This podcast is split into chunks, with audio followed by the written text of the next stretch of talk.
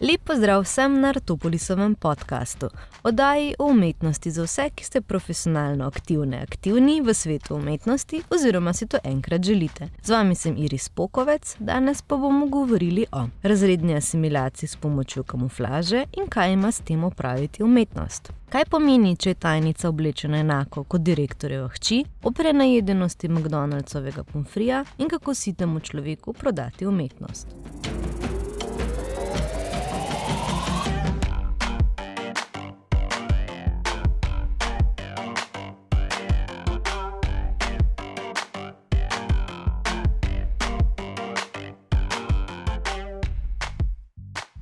Tomaš Apohal v svojem diplomskem delu po blagovljenju ustvarjalnosti piše o tem, da če delavec in njegov nadrejeni uživata v istem televizijskem programu, če je tajnica oblečena enako atraktivno kot hčer njenega delodajalca, če vsi berejo enak časopis, potem ne moremo razumeti te asimilacije kot izginjanje razredov, temveč zgolj kot izjemen obseg potreb in zadovoljitev, ki služijo ohranitvi obstoječega sistema.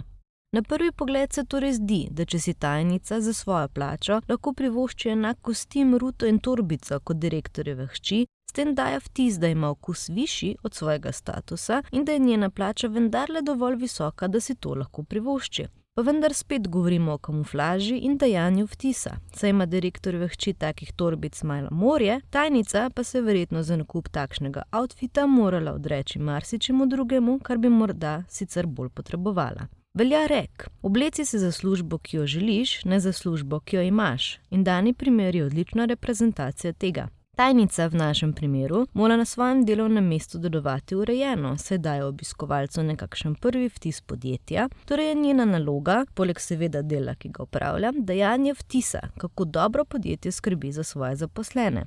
Trg poskrbi, da so takšne kamuflaže možne, da so lahko naprimer zaposleni v trgovinah z oblačili videti, kot da bi slučajno z modne piste stopili v trgovino in kar mimo grede postregli še nekaj strank.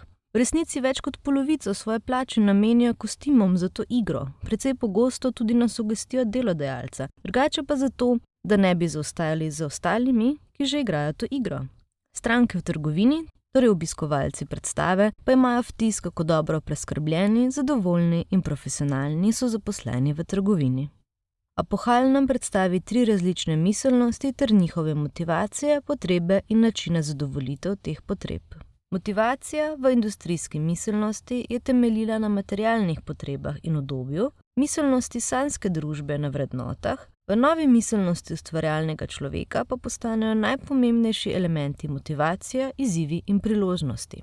Če to primerjamo z maslovo hierarhijo človekovih potreb, lahko opazimo, da razvoj tržne miselnosti se upada z dviganjem po lestvici. Za zadovoljevanjem splošne blaginje se tako zadovoljijo potrebe industrijske miselnosti, njihovo mesto pa prevzamejo potrebe po spoštovanju in samoaktualizaciji. Apohal dodaja, da se tudi razumevanje delovnega mesta spremenja skozi vidike tržne miselnosti. V industrijski miselnosti je dobro delovno mesto predstavljalo dobro fizično okolje, v sanski družbi je bilo dobro delovno mesto tam, kjer je bilo urejeno socialno delovno okolje, za miselnost ustvarjalnega človeka pa je dobro delovno okolje tam, kjer je potencial za izkoriščanje osebnih potencialov. Ponojena razlaga nakazuje, da naj bi vedno več ljudi prehajalo oziroma že živelo v ideologiji ustvarjalnega človeka in da je industrijska miselnost stvar zgodovine. Pa vendar ob pogledu okoli sebe ne vidim samo motiviranih ustvarjalnih ljudi, ki hrepenijo po samoaktualizaciji. Veliko jih še vedno namreč ugodje in odgovore najde v materialnih dobrinah in daje veliko prednost ustaljeni previdni varnosti, kakor tveganim izzivom. Je že res, da smo postali malce zahtevnejši in nam morajo biti materialne dobrine prodane z ustrezno zgodbo in ideologijo, vendar materialne dobrine še vedno stojijo kot zadovoljite naših želja in oblike nagrajevanja dosežkov. Razumem, da morda pretirano karikiram, vendar izhajam iz spoznanj, ki jih ugotavljam na vsakodnevni ravni in v popozovanju ali pogovoru z ljudmi. Ljudje si vsekakor poleg vsakodnevnega kruha želijo spoštovanje in ugled v družbi, vendar je način, kako bodo to dosegali, v veliki večini še vedno pogojen z blagom. Lahko bi rekli: oprostimo jim, saj ne vedo, kaj počnejo, vendar ni človeka, ki ne bi kdaj zavestno ali nezavedno ravnal enako. Enako kot tajnica in zaposleni v modnih trgovinah, smo veliko krat preprosto primorani igrati v tej igri. Na mestu je, da vprašam, kaj obleče brezposelen človek, ko gre na razgovor za delo. Čeprav je brezposelen, mora investirati v zaslužbo primerno obleko, da lahko že na razgovoru za delo pokaže svojo ustreznost viziji delodajalca. In kljub temu, da je kandidat na razgovoru imel veliko dela in skrbi svojo prezenco, in se mu bo zdelo neumno ter krivično, da je moral investirati toliko zgolj za priložnost in ne za jamstvo, se bo ozrl po ostalih kandidatih in tam bo gotovo kdo, ki se mu ni uspelo urediti in obleči nenapisani normi primerno, in bo pomislil: No, če sem se jaz lahko potrudil, bi se pa lahko tudi on. Torej, če se nam je brezposelen kandidat v zgodbi na začetku zasmilil, lahko ob koncu zgodbe vidimo, da smo sami tisti, ki poganjamo ta pravila. Torej, oprostite nam, očitno vendarle ne vemo, kaj počnemo. Svoje razmišljanje torej nadaljujem v smeri tega, da so otroci industrijske revolucije že siti pomfrija in kole iz McDonald'sa in da bomo zelo kmalo, če že nismo preobjedeni tudi zgodb, posebej zgodb, ki so jim bile zgolj prodane in niso imeli besede pri njihovem ustvarjanju. Vedno več potreb je že zadovoljenih in v resnici smo do polnega siti vsega, vsekakor pa ostajata nekakšna praznina in potreba po nečem več, nečem drugem. Samo kot vprašanje časa vidim, kdaj bodo ljudje začeli posegati po transcendenci globalno in na vsakodnevni ravni.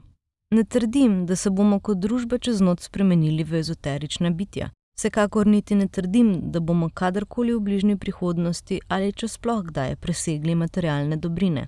Ne glede na to, kako visoko na družbeni lestvici smo in v koliko napredni družbi živimo, statusni simboli bodo vedno blagovni in brez statusnih simbolov nimamo skoraj da ničesar drugega, s čimer bi pokazali, kaj smo. Tržna strategija bi torej tu bila ponuditi transcendenco v fizični in kupljivi obliki.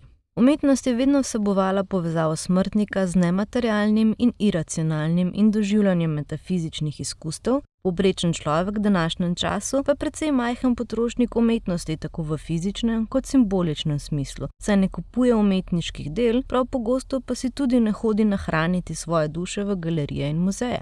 Razlogov za to je ogromno. Poprečen človek z umetniškimi deli, razstavljenimi v galerijah, ne čuti nikakršne povezave, saj ni naučen, da bi jih razumel. Dela, ki se prodajajo za ogromne zneske, so popolnoma izven dosega in kvečemu sproža neodobravanje in prezir zaradi več mestnih številk in si jih tretira kot aristokratski posmeh delovskemu razredu.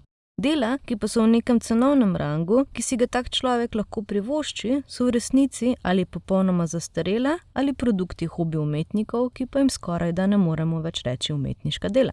Kam se torej povprečen človek moje generacije obrne, če si želi kupiti umetniško delo. In vprašanje še iz druge fronte: kako umetnost prilagoditi potrebam trga in kaj bi to pomenilo za umetnost? In kaj za trg, in kaj za družbo?